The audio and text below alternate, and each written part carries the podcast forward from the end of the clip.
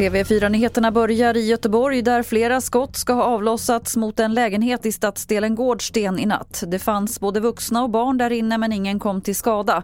Polisen har inte gripit någon misstänkt. För tre veckor sedan sköts en man i 20-årsåldern till döds i samma stadsdel men det är oklart om det finns något samband.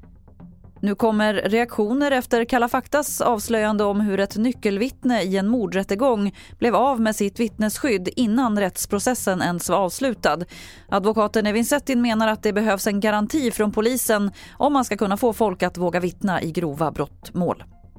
Garantin innebär att eh, när du väljer att vittna så ska du få hela samhällets stöd.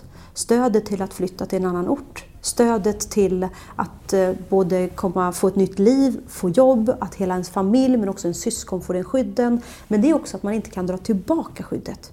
Det är väldigt viktigt, för det här är någonting som fortsätter hela livet. Hotbilden kvarstår hela livet. Till sist kan vi berätta att kriminalvården ska få 12 nya knarkhundar. Anledningen är att de man har idag inte räcker till eftersom antalet fångar blir fler. Alla sex av kriminalvårdens regioner kommer få en eller flera nya hundar som ska söka efter droger på intagna som varit på permission, på besökare och i lokalerna. Fler nyheter finns på tv4.se. Jag heter Lotta Wall.